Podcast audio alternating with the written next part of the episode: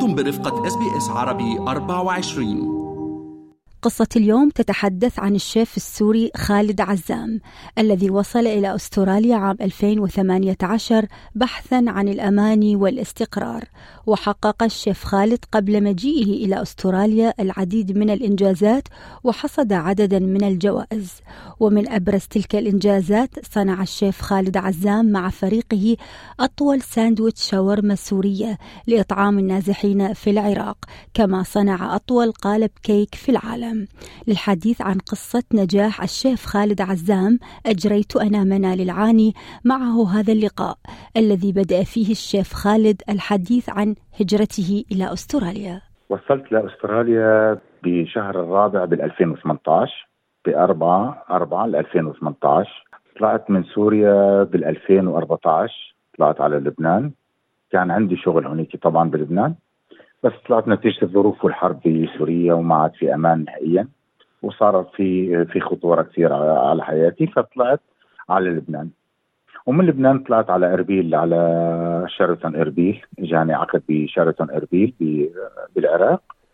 ومن هونيك آه، قدمت للسفارة الأسترالية بال 2017 إني يعني بحاجة بدي أطلع من إربيل لأن كانت الأوضاع كثير سيئة. والحمد لله السفارة الأسترالية والحكومة الأسترالية تجاوبت دغري معي بسرعة كانت هائلة. وقبلوا الطلب تبعي نظرا للشهادات الموجودة معي وهي والحمد لله تيسرت أموري وجيت على أستراليا.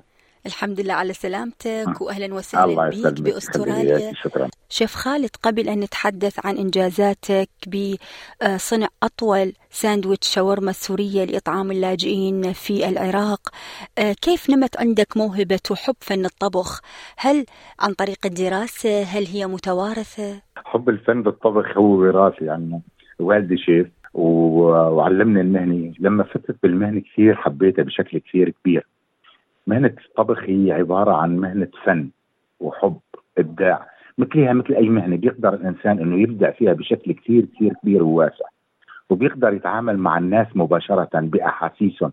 يعني بيقدر يعطي إحساسه للعالم والعالم تحس بإحساسه قديش هذا الإنسان ممكن يحب الطبخ أو بحبه أو كيف. يعني هذا المجال الوحيد اللي ما بيقدر الإنسان إنه يكذب فيه على الناس اللي بيقدر يتعامل فيه ويلامس مشاعر العالم.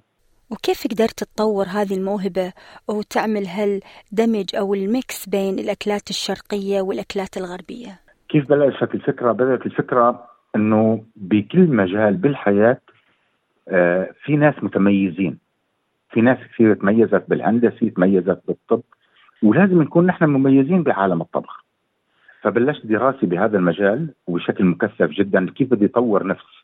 وفعلا طلعت معي أفكار كثير حلوة وبلشت أطور بالأكل العربي إني أحدث بالأكل العربي وبلشت أعمل مزيج ما بين الأكل الأوروبي أو الأكل الآسيوي والأكل الشرق اوسطي فدخلت بكثير مجالات من المطابخ مثل المطابخ الإسبانية، المطابخ الإيطالية، دخلت بالمطابخ اليونانية، دخلت بالمطابخ الفرنسية وصفيت شيل من هاي مثلا من المطابخ نفسها إمزج ما بين الطعام وما بين النكهات.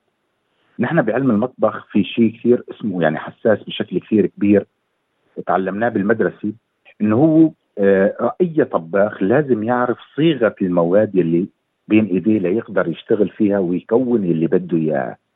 فخبير الغذائيات هون يوم عملنا دورات خبير غذائيات وبلشنا ندرس بعالم المطبخ.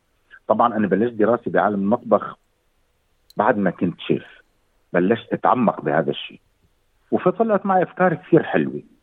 وبلشت المزيج وبلشت نجاح بهذا الأمور وبلشت أتطور بهذا المجال بشكل كثير كبير. حتى لو وصلت بمطابخ الانتر كونتيننتال لمطا...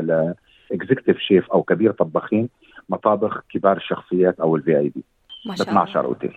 عملت مع فريقك أطول ساندويتش شاورما سورية بالعالم عام 2016 وأيضا أكبر قالب كيك عام 2006 خبرني عن هذين الحدثين. الحدثين هدول تفاصيلهم كثير حلوة. هو تحدي كان دائما تحدي بين النفس وبين كلام الناس. إنه هذا المن... هذا الشيء صعب يصير مستحيل. فما في شيء اسمه مستحيل. على الإنسان طالما في نية وفي قدرة ما في شيء مستحيل بالحياة. فبلشت قصة قالب الكيك كنت بقبرص باليونان. آه، وعم بتحدث أنا وزملاء لي إني حاب نساوي شيء كبير حاب نساوي شيء مميز وكذا وهي فاستهتروا بالموضوع فكبر تصميمي. ولما رجعت على الإمارات العربية آه قررت إني بدي أعمل أكبر قالب كيك. فوضعت الخطة والفكرة. عرضتها على سمو الشيخ محمد بن راشد. فكانت آه عنده يعني كثير إقبال لهذا الموضوع. وحط فريق كامل من المتخصصين تحت آه، إمرتي مشان آه، شوفوا أي شيء محتاجه وكذا. عملت أكبر قالب كيك بال 2006 الإنجاز الثاني هو كان أكبر ساندويتش شاورما بالعالم. كانت مصر عاملة آه، أكبر ساندويتش بالعالم هو 25 متر. ف بال 2016 رحت على مخيمات اللاجئين صار في آه، أمطار غزيرة بشكل كثير كبير وسمعنا بالأخبار إنه كثير تضررت ناس. فرحت على مخيمات اللاجئين لشوف الوضع يعني مثلي مثل باقي الناس لنطمن عن الناس عن وضعهم إذا بنقدر نساعد أو كذا. فتفاجأت بسوء الأحوال اللي كانت كثير يعني كثير مترديه بشكل كثير كبير. فاجتني الفكرة إنه بدي اساوي أي شيء لهي الناس للعالم تشوفهم لتشوف أوجاعهم. وأنا يعني أنا مجرد شيف يعني لاني إعلامي لاني قادر أساوي شيء بإيدي مش طالع شيء. غير اني يجمع محطات إذاعية وتلفزيونات العالم لفرجي هاي العالم شو عم بيصير فيها وخلي العالم كله يشوف إنه هاي الناس شو صار فيها. فأجتني فكرة إني أعمل كمان رقم جديد بكتاب جنس وأمنح هذا الشيء كلياته هاي الجائزة وهذا الساندويتش للاجئين والمخيمات اللاجئين. وكان الفريق تبعي ضميت فريق كامل من لبنان من سوريا من العراق آه، من الأردن من فلسطين. من جميع الدول لفرج العالم إنه نحن بعدنا مجتمع واحد بعدنا دولة وحدة بعدنا ناس بنخاف على بعضنا. وفعلا إجتني الفكرة إنه أعمل أكبر ساندويش بالعالم وأعلنت فعلا وقفت على الهواء مباشرة إنه الساندويش راح يكون طوله 400 متر راح يتم إنجازه فقط ب 10 دقائق.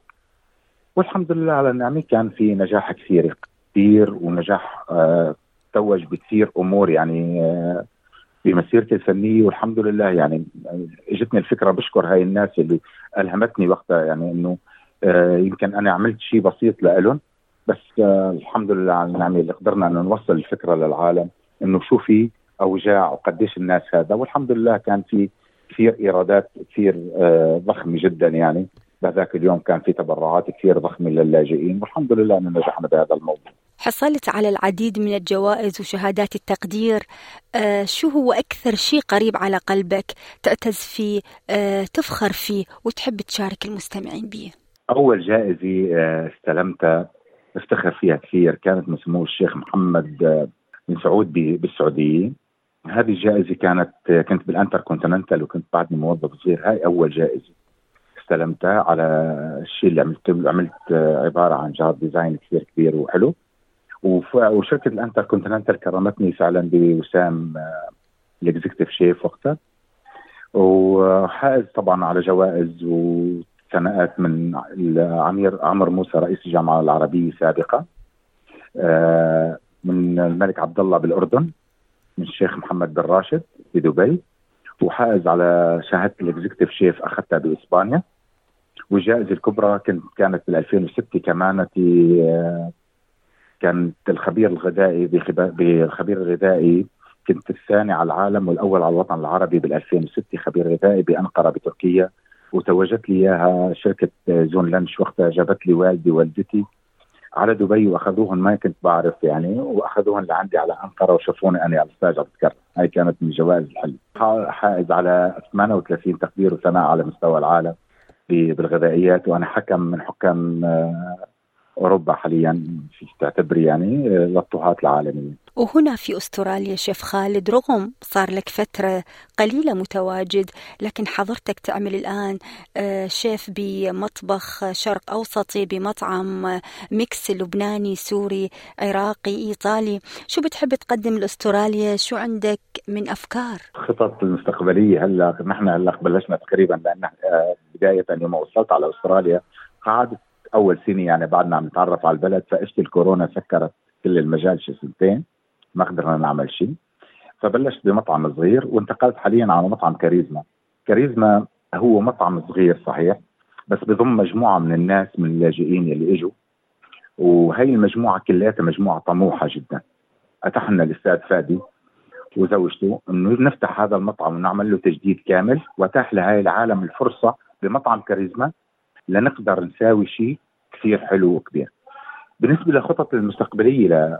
لأستراليا أو لملبورن اللي هو شكر كثير كبير للحكومة الأسترالية على مساعدتها للسوريين وللعراقيين بأمس الحاجة اللي كان بالوقت اللي كان أمس الحاجة فيها الناس إن تطلع من الحرب ومن الضغوطات اللي كانت موجودة علينا وساعدت هنا الناس فأنا حابب إن الله راد بإذن الله في مشروع كثير راح يكون حلو يعجب الكل.